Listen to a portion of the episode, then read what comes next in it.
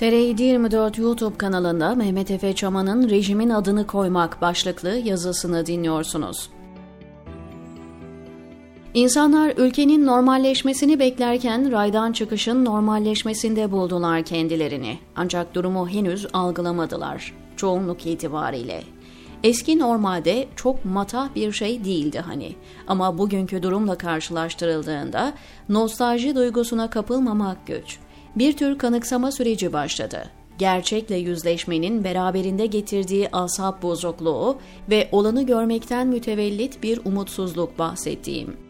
Siyasal anomalinin aslında sosyolojik bağlamda mevcut gerçekliğin bir yansıması olduğunun ayırtına varıyorken ki sıkıntılı, kasvetli, depresif bir ruh hali birçoklarını güncel siyasetle ilgilenmek bağlamında apolitikleştirirken esasında politikanın seçimlerden, partilerden, kamu yönetiminden, ideolojilerden falan öte bir şey olduğunu görmeye başlıyor insanlar. Bu durum siyasal rejimi nasıl etkiler? Rejimin güç paydaşları üzerinde nasıl bir etkide bulunur? Rejimden nemalananlar kısa, orta ve uzun vadeli planları ve stratejileri bağlamında ne gibi tasarruflarda bulunma eğilimine girerler? Bu durum karşısında muhalefet lafın gelişi konusunda ne gibi akıl yürütmelerde bulunabiliriz? Haberleri gözden geçiriyorum. İzlenimim şudur.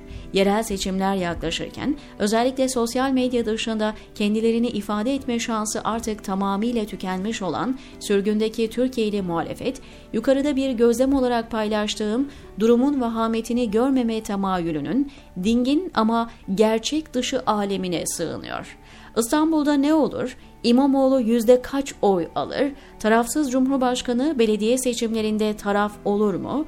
Oy yoksa hizmet yok dedi gibi konular etrafında yerel seçim ortamına doğru ısınan bir siyasal diskur ne ölçüde rasyonel. Sahi İmamoğlu'nun millet sana bir şans verdi, işine bak, ekonomiyi düzelt demesi bu rejim dahilinde ne derece önemli olabilir?'' Tüm iyi niyetine karşın sevgili Ömer Faruk Gergerlioğlu'nun açıkladığı, kendisinin oğlunun okula girmesini yasaklayan gizli ibareli belge, Anayasa Mahkemesi'nin bağlayıcı nihai kararlarını bile takmayan bu rejimde ne tür bir rol oynayabilir? Ya da Ramazan kolisi fiyatları üzerinden bu rejimin ekonomi politik eleştirisini haklı olarak yapmaya çalışanlar 10 yıldır Sayıştay denetimini fiilen iptal etmiş olan bu zıvanadan çıkmışlık karşısında ne diyebilir? CHP Genel Başkanı Özgür Özel'in yayınını kesen TRT, tüm medyanın rejim aparatına döndüğü bir ortamda gerçekten de bizi şaşırtan bir gelişme midir? Bu haberler bugün gözüme çarpanların bir kısmı. Her gün bu durum tekrar ediyor. Normal bir ülkede yılda bir olacak skandallar ve garabetler Türkiye'de bir saat içerisinde oluyor. Anomalinin normalleşmesi derken kısmen bunu da kastediyorum kanıksadık bu durumu. Oysa inanın 1980'lerde ya da 1990'larda bile bu denli skandala ve garabete boğulan bir gündem yoktu.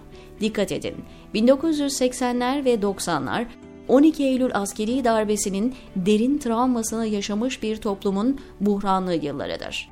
Gerçi bu 100 yıllık görece genç devletin buhranlı olmayan bir dönemine rastlamak da zordur. Ama Türkiye'nin kendi hüzünlü gerçekliğinde bile 2013 sonrası dönem bir istisnai anomi, bir sıra dışı facia, bir ayrıcalıklı batıştır.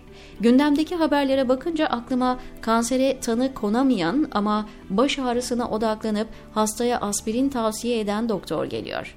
Bir farkla biz kanser olduğunu esasında bal gibi görüyor ama kendimize bunu itiraf etmekten kaçınıyoruz. Çünkü o teşhisin ertesinde olacaklardan korkuyoruz. Ülkeye olacaklardan değil. Çünkü ülkeye zaten olan olmuş. Kendimize. Biz o realitede var olmaktan kaçıyoruz. Başımızı kuma gömmeyi tercih ediyoruz. Çünkü buna ihtiyacımız var. Gerçeğin acıtıcı ayazı derimizi paramparça ediyor. Biliyorum oldukça uzun süredir Türkiye siyasetini bu pencereden okuyorum ve bunun umutsuzluk yarattığı eleştirisine uğradığını görüyorum. Olan yokmuş gibi davranalım, olmayan varmış gibi yapalım, yeter ki moraller bozulmasın. Bunun uzun vadede gerçekle yüzleşmekten daha kalıcı zararlar vermesinden korkarım. Gerçekle bir an evvel yüzleşmek tedavi için daha iyidir diye düşünürüm. Kanser analojisinden hareket edeceksek eğer erken teşhisin hayat kurtardığını, bazen tedavinin kendisinden bile daha önemli olduğunu hatırlatmak isterim. Geçenlerde Yavuz Baydar çok doğru bir eleştiride bulundu. Akademisyenlerin halen Türkiye'nin rekabetçi otoriter bir rejim olduğunu pompaladıklarından yakındı. Haklıdır. Hem de yerden göğe kadar. Rekabetçi otoriter rejimler adını koymayarak aslında otoriter rejimlere faydalı oluyor. Bu kategorinin akademik kategorize ediş, kavramsal çeşitlendirme ve karşılaştırmalı siyaset sınıflaması olması dışında hiçbir yararı olmadığını düşünüyorum. Konumuz akademik analiz değil, realite. Gerçek şu ki bu ortamda Erdoğan'ın seçimle iktidarı kaybetme riski Rusya'da Putin'in seçimi kaybetme riskinden çok farklı değil. Hatta demokratik ülkelerde Rusya'ya yönelik pozisyonun çok daha sağlam olmasının esas nedeni Türkiye'deki gibi hayal tacirliği yapmayan Rusya uzmanı akademidir. Türkiye çalışan yerli ve yabancı uzmanlar ısrarla sanki Türkiye'de kör topal da olsa işleyen bir hukuk, devlet, bürokrasi ve hepsinden önemlisi demokrasi varmış gibi hareket ediyorlar. Oysa gerçekler meydanda.